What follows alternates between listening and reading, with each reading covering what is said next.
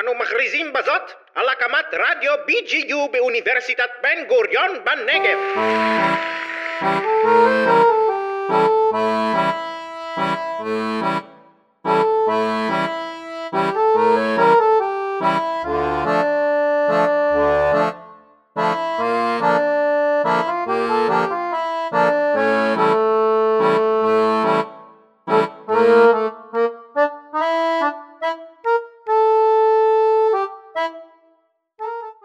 שלום וברוכים הבאים לפודקאסט הרשמי והמגניב של המחלקה לספרות עברית באוניברסיטת בן גוריון בנגב. בתוכניות הקרובות אנחנו נדבר עם כל מיני אנשים במחלקה שעושים דברים. אנחנו נדבר על כתיבה, על מחקר, על ספרות ועל תחביבים של חנונים. יפתח, אז מי בעצם המרואיין הראשון שלך? אה, המרואיין הראשון שלי הוא המנחה שלי בדוקטורט, פרופסור יגאל שוורץ, שהוציא עכשיו ספר חדש, ובחרנו בו להיות המרואיין הראשון שעליו אה, נתחלק אה, ונלמד את הפודקאסט. מרגש. שיהיה בהצלחה. אוקיי, okay, אז uh, אני מאוד מאוד שמח uh, לארח את פרופסור יגאל שוורץ, שהוא ראש מכון הקשרים לחקר הספרות הישראלית והיהודית, והיה ראש החוג פה באוניברסיטת בן גוריון, ראש המחלקה. היה עורך בכיר בהוצאת כנרת זמורה ביטן, והקים שתי סדרות מרתקות, רוח צד ורטרו. Uh, הוא פרסם עשרות ספרי מחקר וערך מאות סופרים. ומאות ספרים, והוא גם סופר שכתב את הספר אה, הנהדר מקהלה הונגרית. אה, הספר מחקר האחרון שכתב הוא מגש הכסף, הרגע שבו נולדה הספרות הישראלית. הוא זכה בפרס סמך יזהר אה, לספרות צבאית, והוא גם המנחה שלי, אז אני טיפה משוחד. אז יגאל, הספר... לא ברור משוחד איך. תלוי, חכה, נסיים ואז סתם. הספר החדש שלך, מגש הכסף, מנסה לשנות את התפיסה ההיסטורית של הספרות כמאבק דורי. אה, האם תוכל להרחיב טיפה, גם בעיקר לאנשים שפחות מכירים את התפיסות האלה, איך תפסו את זה בעבר ואיך אתה מציע לראות את הספרות הישראלית? כן, קודם כל, אה, יש מעט מאוד אנשים שעוסקים בשנים אה, האחרונות בהיסטוריוגרפיה, וכאילו בסיפור ההיסטוריה של הספרות העברית, בכלל בסיפור ההיסטוריה, כי יש בזה איזה מין פאזה או איזה עמדה או איזה דימוי של משהו נורא כוחני. אה, ויש בזה משהו כזה, אה, יש בזה אלמנט כזה. הדבר השני זה שאני, כשחשבתי על זה, פתאום הבנתי שיש פה איזה שקר, כי אה, כשאתה קורא היסטוריוגרפיה, אתה מניח שמישהו כותב על מה שקרה לאדם הקדמון, ואחרי זה לבן של האדם הקדמון, ואחרי זה לנכד של האדם הקדמון, ואחרי זה למה שלבן של הבן של הבן של הנכד של האדם הקדמון. אבל זה לא נכון, כי מה שקורה זה שכל ספר היסטוריה נכתב בעצם, מנקודת מוצא, ואני מדבר על כל, לא רק ספרות עברית, מנקודת מוצא של אה, מישהו שהוא כותב אחורה איך הבנים מסתדרים עם האבות שלהם, גומר את הפרק הזה, עובר לפרק הבא של איך הבנים הבאים מסתדרים עם, ה, אה, אה, עם האבות שלהם. אז זאת אומרת, וזה הפריע לי, אני פתאום, תשמע, אני עוסק, עוסק בזה המון זמן, ולא קלטתי אף פעם שכל הסיפור ההיסטוריוגרפי כזה, אז זה מבוסס על איזה שקר מוסכם. שמה השקר? השקר הוא זה שזה לא אחד אחרי השני אפילו, לפני אבות ובנים, זה תמיד צמדים. זאת אומרת, זה דור אחד ביחס לדור קודם, ואחרי זה הדור הבא הבא ביחס לדור שלפניו, ואז בונים את הסיפור. בעצם תופרים אותו, תופרים קודם שתי חתיכות, ואחרי זה תופרים את הבגד מכל הטלאים. זה, זה מאוד מוזר. וגם אני עשיתי ככה, שלא לא תבין, לא, מתחילים באיזה נקודה של נקודת אפס והולכים אחורה, ואחרי זה הולכים עוד פעם לנקודת אפס והולכים אחורה. והבסיס הוא אדיפלי. הבסיס הוא זה שתמיד הבנים, זה לאור המודרניזם, אתה יודע, כל הפורמולות הגדולות של, ה, אה, של דרווין ושות', שתמיד יש התפתחות ותמיד יש שכלול ותמיד יש, אה, הבנים יושבים על הכתפיים של האבות, אז זה תמיד אה, איך הדור אחד מסתכל אחורה, רואה את האבא אומר, אוקיי, אני רוצה להיות יותר משוכלל, יותר טוב, ונכנס בו ראש בראש, רבים על האימא או על, ה, על, ה, על הבמות הספרותיות, או על ה... לא יודע, על מה, על מה שיש ב, באזור, על הרמקולים, על המיקרופונים, ו, וככה זה הולך, וזה לא הולך ככה. אז אין בעצם רצח אב לפי התפיסה שלך. זה לא שאין מצב כזה שאני לא הייתי מת לרצוח את האבא שלי כמה פעמים בחיים שלי, תאמין לי שכן, וגם חיים, שזה, אני מניח שיש לו נטייה כזאת, וכל אחד מאיתנו, אבל אתה, למה אנחנו לא רוצחים את האבא? כי אנחנו מבינים שאם אתה לא מכבד את אביך ואת אמך, לא יהיה לך קיום. ולכן מה שקורה זה שלמרות שאתה רוצה לרצוח את אבא שלך, אתה מבין שרצח אב, גם, שיר, גם אם הוא אבא שירי או אבא אה, של פרוזה, אה, הוא מעשה מטומטם, כי בעצם אה, אתה, כל המשמעות של החיים שלנו, בעיקר של אנשים שעוסקים בספרות ונניח הם חילוניים, הוא תוצר של זה שאנחנו רצף. הוא תוצר של זה שאנחנו מניחים ש... זה כמו מישהו שהולך לטייל בעולם בלי קורדינטות, שמישהו שלא מקבל, הולך להיות גיאוגרף בלי לקבל את עיקרון שיש קו המשווה וקווי אורך. איך, אי אפשר לעבוד ככה. עכשיו, אז כל אחד שמתחיל להיות טייל, נניח מרקו פולו, אוקיי, לצורך העניין, אז הוא מקבל את המפות שהיו לפניו, הוא יכול לתקן אותן, הוא יכול לראות את המפות אחרת, הוא יכול להבין פתאום שכדור הארץ אה, מחולק אה, לא נכון, כי אנגליה, לפי. בגלל שהם חילקו את המפה, אז אנגליה יותר גדולה במפה ממה שהיא באמת. אבל, אה, אבל הוא מתייחס למה שהיה לפניו, אין שום משמעות לשום מילה אם היא לא מתייחסת, אם לא מניחה שמישהו דיבר כבר קודם. ועוד משפטון אחד, בגלל שזה קהילה, אז יש רצון לשמור על הקהילה. וברגע שאתה רוצה לשמור על הקהילה, אז אתה אה, אה, בתוך הקהילה וספר הזה הוא מתייחס רק אליהם. יש אנשים חזקים, זה נעשה משפט נורא, בזמן האחרון נורא פופולרי, ואני לא אוהב אותו כל כך, אבל אנשים, יש אנשים שנכנסים תחת אלונקה, יש אנשים שאתה... אה, וגם אתה היית בקרבי, וגם חיים היה פה בקרבי, ואתה יודע שיש אנשים שנכנסים תחת אלונקה, יש אנשים ששוכבים על אלונקה, ויש אנשים שהם לא באזור בכלל אף פעם. והאלה שנכנסים תחת אלונקה, ברור להם שהם צריכים, גם אם אחד גבוה מאוד וגם אחד נמוך מאוד, הם צריכים איכשהו להסתדר ולעשות את העניין הזה. ואני ניסיתי לראות את רגע החלפת האנשים שמחליפים ביניהם את ה... את ה... או נכנסים תחת אלונקה, או שמחליפים את המקל במרוץ שליחים. אז זהו, אבל כשאתה מדבר על החלפת מקל או להיכנס מתחת לאלונקה, זה באמת משהו שהוא... גם הרבה פעמים משלמים עליו מחיר, כלומר, שני הצדדים משלמים מחיר. איזה מחירים בדיוק? אה? מחירים עצומים. מחירים עצומים. הרעיון הוא זה שכל אה, סופר יודע, תראה, סופר, סופרים הם אנשים מאוד אינטליגנטים ומאוד רגישים. ואחת הבעיות, דרך אגב, שאנחנו לא מדברים עליהן, זה שמי שקובע את ההיסטוריה של הספרות זה לא סופרים, זה מבקרים. זאת אומרת, שאני כותב היסטוריה של הספרות, או שקד כתב היסטוריה של הספרות, או קורצוול כתב היסטוריה של הספרות, או אני לא יודע מי, אז, או תזה של. של ההיסטוריה של הספרות, אז זה לא הסופרים, כי הם לא חושבים כמו סופרים. וזה הבדל גדול. ואני אולי, בגלל שאני עורך כל כך הרבה שנים, אני חושב גם כמו סופר. וסופרים אה, כמו שמיר, כמו יזהר, אה, כמו אלתרמן, וכל אחד, כמו עמוס עוז, לא משנה, באיזשהו מקום מבינים שזמנם תם.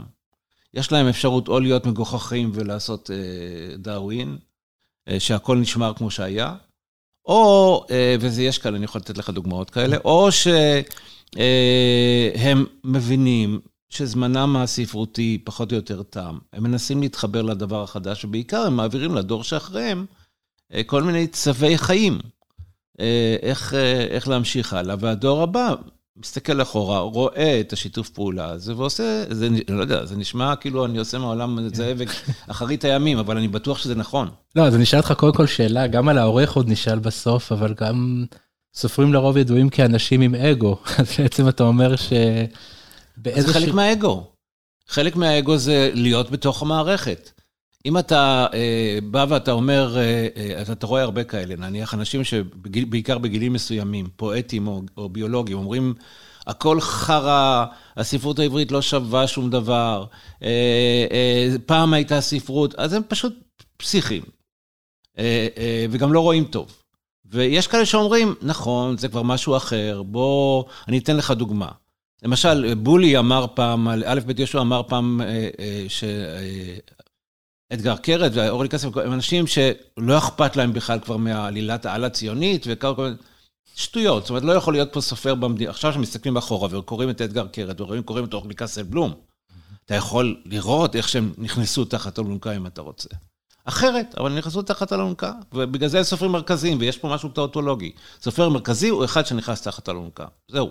אוקיי, okay, ואתה כותב, מתמקד בכמה סופרים מרכזיים, בעיקר משנות ה... 40-50 של אה, סמך יזהר, משה שמיר, גם קצת אלתרמן. מה מייחד אותם בתגובה שלהם, בדרך שבה הם עשו את זה? כלומר, דרכים מאוד הפוכות. קודם כל התמקדתי בהם, והתמקדתי בקטע מעבר שלהם עם עמוס ובית יהושע, אבל בעיקר בהם כי הם לא קיבלו את מה שמגיע להם, לפי דעתי. ואצל כל מבקר ספרות או חוקר ספרות יש אלמנט שלו וסוציאלי, הוא תמיד מרגיש שהעולם לא בסדר, הוא צריך לתקן אותו. גם אצלי יש את זה. ואני זוכר את הוויכוחים שלי עם גרשון שקד, שהיה מורי ורבי, ושאני אמרתי לו שמלך בשר ודם זה ספר נהדר, והוא אמר, לא, זה בחייך, זה ישן, זה ככה. אה, אני חושב שסמך יזהר היה סופר ענק. אה, אני חושב שמשה שמיר היה סופר ענק. אני חושב ששניהם הבינו יפה מאוד שהם, אה, מה, מה המצב שלהם. תשמע, אתה קורא את, הוא הלך בשדות, ואתה מנסה להבין את ה... כאילו, סיפור של הצבר, ואתה רואה שיש שם צבר, שחוץ מלחתוך אותו לחתיכות, הכל עשו לו, מסכן. גם uh, מתאבד בטמטום, גם מי שלוקחת את מקומו זה הבחורה שבאה, מ... שהיא חצי זונה, שבאה מה... מה... מהשואה, ואתה שואל את עצמך, מה קורה פה? מה קורה פה? זה הרי, הוא העמיד פה סוג מסוים, סוג מסוים של צבא. והצבא היא זה שהוא מבין שהצבר הזמנו עבר, ועכשיו בא הדור של כל הערב רב הזה של הפליטים, מזרח ומערב וזה, וזה מה שיחזיק את הבניין הזה, זה מה שיבנה את הבניין הזה, והוא נותן לה את ה... נותן לה ברכת הדרך.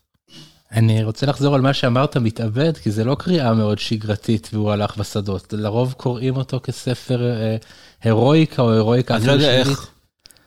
Okay. אוקיי. באמת אני לא יודע איך, זאת אומרת, לא, זה אני כבר לא היחיד שקורא אותו, גם קראו אותו ככה עוד כמה, אבל אה, תשמע, אתה, דיברנו על זה שהיית בצבא, אפילו היית חירניק. אתה לא, אתה לוקח בן אדם שקודם כל כל הזמן מפנטז את המוות שלו ומדמיין את המוות שלו ומסריט אותו בראש. וחוץ מזה, ממש מסריט. וממה, וברגע האחרון הוא נמצא בתוך אה, שוחה, מישהו זורק רימון והרימון שם מפזז מחוץ לשוחה, במקום להיכנס לתוך השוחה כמו בן אדם נורמלי, יוצא החוצה, תופס את הרימון ביד, אומר, רואה את כל החיים לפניו, כמו בסרט, ומגנזיום באוויר וכל איזה... כאילו, תשמע, זה מראה לך שאנשים יכולים, שיהיה להם, תשים להם מול העיניים את העובדה הכי, גם בפוליטיקה, את העובדה הכי ניצחת בעולם, לא רואים. אם הם לא רוצים לראות, לא רואים. האמת שאני בגלל הספר הזה פחדתי נורא מרימונים כל הצבא. אה, זה לא אותו סוג של רימון. כן, עדיין. אה, רימון עם גפרור שם, זה לא כן. רימון... אה. אז בעצם, אתה אומר שבעצם איך שתפסו, כלומר תפסו את משה שמיר בצורה הפוכה ממה שהוא עושה, כלומר תפסו אותו כאיזה אתוס ישן. אני לא יודע, תראה, זה, זה מה שהוא עשה, כאילו הוא גדל במשמר העמק. הוא, כל הזמן אמרו עליו שהוא היה שמאלני, שאחרי זה עבר המרה.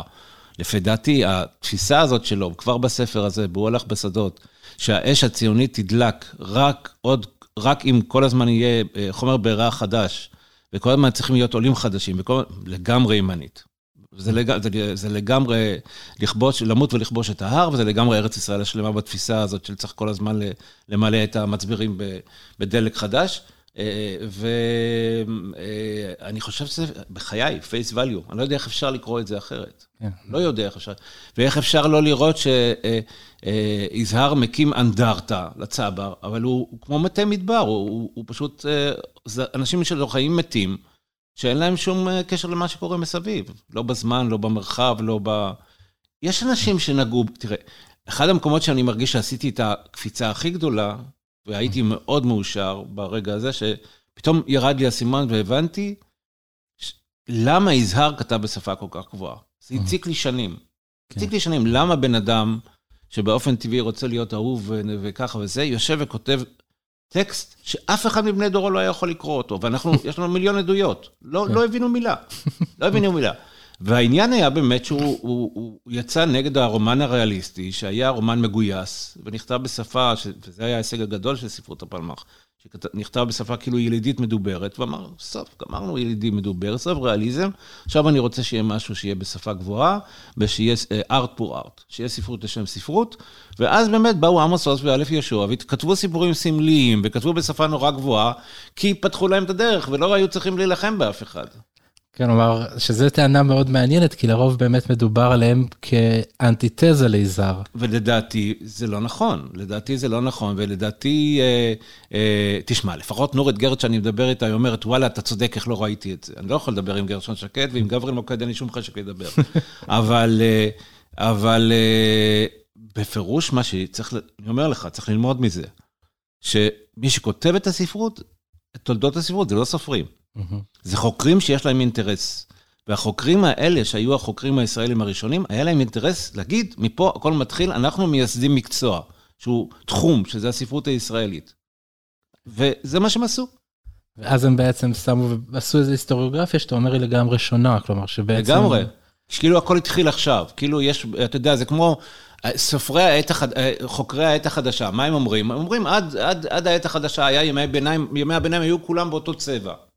הכל היה שחור, עד היום אנחנו חושבים ככה, הכל היה שחור, הכל היה קורונה, הכל היה זה, הכל היה זה, ופתאום אה, הדברים מתחילים להיות אחרים. זה, זה, זה לא ככה, ההיסטוריה הרבה יותר גמישה, הרבה יותר דיאלוגית, הרבה יותר, מה שאני מנסה להראות. אה, הרבה יותר יש שיתופי פעולה, והצורך לה, להגיד עד כאן ומכאן, ויש מרד, זה צורך של חוקרים, וזה לא, זה לא, זה לא ההוויה של הספרות. אה, אני אגיד לך למה התזה שלך מאוד מצא חן בעיניי, כי יצא לי להכיר באמת, כאילו גם אצלי, שהדורות קודמים, נגיד, אני מכיר אישית יהושע קנז, שמאוד חיבק דורות, ואחר כך גם עמוס עוז. נכון. בולי טיפה פחות, אבל בסדר. אה, נכון. אבל מאוד קידמו, ובאמת, לפעמים סופרים מסתכלים יותר לצדדים. כלומר, לאנשים בדור שלהם, ולא לדור הקודם. כן, נכון. עכשיו רציתי לשאול איך זה בתור, באמת דיברת קודם שבתור אתה גם סופר אבל גם עורך על, אני חושב שערכת אולי הכי הרבה ספרים בספרות עברית. בספרות העברית. מעולם. מעולם, כן. איך זה השפיע על התפיסה שלך? איך זה השפיע? מאוד אני חושב. אוקיי. אני חושב שמאוד, כי באמת אני רואה את זה, אני, תשמע, ההבדל בין, בעיקר מי שעוסק בהיסטוריה של ספרות, שיושב כמו... רב, אני יודע, קצין מבצעים על, על ההר ומסתכל למטה, עורך צריך להיכנס לתוך הריג של הטקסט. והוא רואה את הדברים מבפנים. והוא רואה איך, והוא גם יכול לעקוב, אם אני עובד, נניח ערכתי 28 ספרים של אפלפלד. כמה ספרים של עמוס עוז, עשרה ספרים של רות אלמוג, לא משנה. ואז אתה רואה איך הוא מתפתח. אני אתן לך דוגמה, שלא עסקתי בה בספר בכלל. נניח שאתה מסתכל על סמי מיכאל. אתה רואה, סמי מיכאל התחיל בשווים ושווים יותר, ב-77, אני חושב. והוא נכנס ראש בראש עם, ה... עם הסיפור ההגמוני הישראלי, כמו שחנן חבר וחבריו היו מצפים. זאת אומרת, נכנס ראש בראש בתוך העסק הזה, זה היה כפפה בשבילך. כן. ו... ואחרי זה הוא הבין שכך הוא לחוד בתוך המערכת, ומה שהוא עשה בחסות, שהוא פשוט עשה, לקח את עיראק. את המודל של, של בגדד, שיש שם נוצרים ומוסלמים ויהודים וקומוניסטים ולא קומוניסטים, מין ערב רב כזה, בעיקר על בסיס מעמדי, סוציאלי, והלביש את התבנית הזאת על ישראל וקרא את השטחים יחד עם ישראל הירוקה, ארץ ישראל של הקו הירוק, כאילו זה בגדד. זאת אומרת, עשה פרויקטיזציה של תמונת הילדות שלו, תמונת הנוער שלו, של העולם, על ישראל. וככה הוא בנה לו את המקום, ככה הוא בנה לו, בנה לו את הנישה. זה אתה יכול לראות שאתה עוקב אחרי סופרים, אתה עוקב אחרי עמוס עוז, אתה רואה, כבר בנוודים, לא, כבר במנזר השת... איפה זה? בדרך הרוח, סליחה. הוא נותן, כמו שאני מראה בספר, יש שם את הזקי הזה, אלוהים יודע איפה המציא אותו, ברור שזה או זכריה או יחזקאל, אבל לא, לא, לא גיבור אשכנזי, לא ילד אשכנזי. והוא זה שמצליח לתפקד במקום שאף אחד לא מצליח, אפילו הגיבור האגדתי מהצנחנים, לא מצליחים. ואחרי זה זה מגיע לספרים היותר מאוחרים שלו, שיש שם מצד אחד רקוויאם של כל הסיפור של האשכנזים וככה, ומצד שני נכנסים המזרחיים, שיש לו אליהם גם איבה, וגם זה, אבל הוא, מקבל, הוא מבין שזה זה, זה הגיבור החדש, הוא הולך עם זה, ובמקום לבחור את ירושלים, הוא בוחר את אשדוד בתור עיר העתיד. אז מה אתה צריך יותר מזה לראות שיש ויתור גם בתור הבא? בדור הבא, זה כאילו אנשים חכמים, הם לא... הוא גם מבין, עמוס עוז, שאם אה, לא תהיה ישראל ולא יהיו אנשים שיקראו עברית, אז לא יהיה גם עמוס עוז. אז עדיף לא שיהיו אנשים שיקראו את עמוס עוז ויהיו ימניים, מה שלא יהיה בכלל זה. לא, אני בכוונה עושה מזה צחוק, כי, כי זה, כי, אבל זה אינסטינקט החיים שלך, זה להעביר את ה-DNA שלך, איכשהו לא יעבור לבאים אחריך. כלומר, לייצר איזשהו שיתוף והמשך. לגמרי, כאילו. לגמרי. זהו, עכשיו, אגב, שיתוף, המשך, עולם ישן, חדש, כרגע יש ויכוח מאוד גדול, הזכרת את חנן חבר, בין חנן חבר לדן מירון, בנושא, בנוגע לסמך יזהר, לא לספר שאתה עסקת בו, אבל, כן. אבל לתפיסה שלו. תראה, בעיניי זה קודם כל פארסה, שלא יהיה לו ברור. אני, אני, אני גם, אני רוצה להגיד שני דברים. קודם כל, אה, אה, אני, עם הטיעונים, אני מסכים באופן קטגורי עם מירון. אני חושב ככה המון שנים כבר על העבודות של חנן. הוא גם, אני מניח, מאוד כועס עליי. אני חושב ככה גם על מה שהוא עשה, אפילו לאברהם בן יצחק, אבל בטח לאפלפלד באיזה מאמר שלו, בטח רוני סומק, אני לא אוהב את עמדת הכפייה הפוליטית, פוליטיקה, הוא יכול לחשוב מה שהוא רוצה, אבל כשהוא ניגש לטקסט ספרותי, הטקסט ספרותי, הטקסטים הספרותיים שהוא נוגע בהם עוברים אונס. במידה מסוימת ברוטלי. אה, אני חושב ככה לגמרי, אני מתפלא על דן מירון, ש, שלקח לו כל כך הרבה זמן אה, לזהות את המהלך הזה. מצד שני, אני חושב שאני לא הייתי עושה לך את זה, בתור mm-hmm. תלמיד שלי. אה, הייתי אומר לו, דן, it is not done. Mm-hmm. אני חושב שזה לא, לא יאה, ש, ש, שמישהו שטיפח וגידל תלמיד שהוא עומד לעצמו, ולכן יש הרבה מאוד זכויות. אני יכול לאהוב או לא לאהוב מה שהוא עושה, אבל יש לו הרבה מאוד זכויות. אה, גם לרצוח אותו וגם אחרי זה לדמוע דמעות תנין, אני לא, כן. לא משוגע על הדבר הזה, אבל עניינית, אין לי שום ספק שמרון צודק. כן. אה, אפשר לעשות את זה אחרת. שזהו, ואגב, זה מתקשר לשאלה האחרונה, פשוט בריאיון שקראתי שלך, דיברת על זה שהחוויה פה בבאר שבע, לעומת החוויה של מקומות שבהם היית בעבר, אימא שלי לימדת אותך על היכולת לדיאלוג במקום לאיזשהו אה, מלחמה. אה, הייתי שמח שתסביר טיפה על המחלקה, מה מיוחד פה, איך זה... כן, תשמע, אני חושב שהייתה הזדמנות אה, היסטורית, עכשיו ברוורמן התראיין על זה לאיזה עיתון אמריקאי, ממש על המחלקה שלנו, דרך אגב. אני חושב שהייתה לנו הזדמנות היסטורית לבנות את המחלקה מההתחלה, והיו כמה עקרונות. אחד היה זה שזה צריך להיות כמו גן חיות. שיהיה אחד אריה, אחד נמר, אחד אה, נחש לפעמים, אני לא יודע מה, אבל טווס. אה, ואין פה אינדוקטרינציה. זאת אומרת, יש פה הרבה מאוד אנשים שחושבים בהרבה צורות שונות. וזה היה ממש יסוד. זאת אומרת, תאר לך, זה לא בכל, בכל חוג אה, מתאפשר. פה היה אפשרות לבנות כמעט מההתחלה. ממש כמעט מההתחלה, כשאני הגעתי פה בשנת 2000 לא היה דוקטורנט אחד, אפילו. עכשיו יש יותר מ-50. כן, לא. והייתה אפשרות כזאת, ובגלל זה נוצר מצב כזה שיש אה, אה, פה אנשים שונים במחלקה הזאת, הם חושבים בצורות שונות ואין אינדוקטרינציה, אין מחשבת חוג, זה לא אסכולה, במובן הכי טוב של המילה. ומצד שני, אני חושב שהדבר השני שהיה לנו אפשרות לעשות מההתחלה, זה, זה, זה להיפטר מאנשים לא נחמדים ולהישאר עם אנשים נחמדים. עכשיו תשמע, לא כל בן אדם מבריק צריך להיות מגעיל. זאת אומרת, יש איזו הנחה כזאת, שיש לו בסיס מסוים, אבל לא, זה לא הכרחי. ואני חושב שהעובדה שכל האנשים במחלקה הזאת, הם אה, מתנשקים ומתחבקים שהם אה, פוגשים אחד את השני, אפילו בימי קורונה, אה, זה, זה עובדה ניצחת. ותראה, יש פה גם... אני פשוט אדגים לך, זה, זה שני דברים מאוד קטנים. אחד הדברים הראשונים שעשינו, שהגענו הנה, עשינו, הקמנו את אה, מסה קריטית, שכמעט כל הספרים הראשונים בה היו של האנשים שבמחלקה. אה, ואז היה מין הפגנת כוח מאוד ברורה, זה גם היה מעשה אקדמי נכון, כי הספר הראשון שלך, בנקו, מותר לו לצאת במקום שאתה... זה לא חשוב. ואני, אה, ואחרי זה עשינו את הלקסיקון שלא היינו יכולים לעשות אותו בשום אופן בלי העזרה שלך ושל עוד הרבה אנשים צעירים, ואחרי זה גם כתבנו, לי היה חלק לפחות בשני פרויקטים כאלה ש, שעובדים יחד. אין, אין לנו שום, זה, זה חיים ואני מדברים על זה אלף פעם, אין לנו שום סיכוי למקצוע הזה אם לא נעשה פרויקטים גדולים של שיתופי פעולה בינינו ועם העולם, שום סיכוי. שום, זה צריך לבוא עם תרומות, זה צריך לבוא עם, עם אגודת ידידים, זה צריך, אחרת אין לנו שום סיכוי, אף אחד לא מעניין אותו. אני ישבתי אצל הספר, הספר שלי באופקים, הוא שאל אותי מה אני עושה, ואמרתי לו ספרות, הוא אמר לי, בשביל מה צריך את זה? אתה מבין? והדבר הבא הוא אמר שהוא שאל אותי אם אתיופים הם אה, באמת יהודים. אז זה מה שעם חושב. סליחה, אופקים, אני גר שם, מותר לי להגיד את זה. אה, אז כדי להצדיק את הקיום שלנו, אנחנו צריכים אה, להעמיד את עצמנו בעצמנו על הרגליים. אה, מאוד מאוד חשוב שאנחנו נעשה את ה... נמצא את המקורות שלנו, ו... וגם נגיד שאנחנו קיימים, כמו באמצעות השידור הנחמד מאוד הזה, שאני מברך כן. אתכם על היוזמה. ו... תודה. יש עוד משהו שהיית רוצה להעלות, שלא שאלתי בנוגע לספר? איזושהי... לא. לא. ממש בסדר.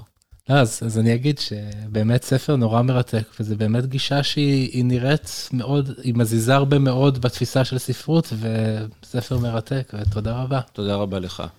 שאלות מהקהל. אה, רציתי לשאול משהו קצת מחוץ לעולם הספרות. אה, רציתי לשאול אם יש לך אולי טיפ לחקלאים, לאנשים שמגדלים אה, דברים בגינה שלהם, אנחנו יודעים שיש לך אחלה גינה, פרחים יפים, אולי יש משהו שאתה יכול לחלוק איתנו? אני אגיד לך דבר אחד, אני מנסה כל הזמן לחשוב, יש את האדמה, רוח, גשם, מים, אש. כאילו נורא בא לי להגיד אש וזה, למה אני גם אוהב לנהוג מהר וככה, אבל אין כמו אדמה. זאת אומרת, ואני חושב שהקורונה זה באמת נתן לנו להרגיש את זה, זה, אני חושב שה... הרגעים שבהם היד שלי מסתובבת בתוך האפר, ושאני שותל משהו, ושאני רואה כל אביב את הפריחה המחודשת, את הגדילה של העצים, אני, זה, זה, כמעט, זה כמעט אחד משניים, שלושה דברים היחידים שאני ממש מרגיש קיים, שמח. ואני חושב שאני מאוד ממליץ על זה. מה... אני לא יכול להבין איך יש אבות שלא מגדלים עם הילדים צנוניות בערוגה. אני גם לא מבין ילדים שלא נמצאים במצב הזה, כמו שאני נמצאתי תמיד עם הצנוניות והגזרים, שלא נשארו הרבה. הם לא גדלו, כי כל הזמן הייתי מנסה לבדוק אם הם כבר מוכנים. מוציא אותם. אז הטיפ שלך זה סבלנות. סבלנות, כן. לא, לא, זה לא, זה לא אני, סבלנות זה לא אני. אדמה טובה. שקדנות, כן, אבל סבלנות זה לא אני. סבבה, תודה.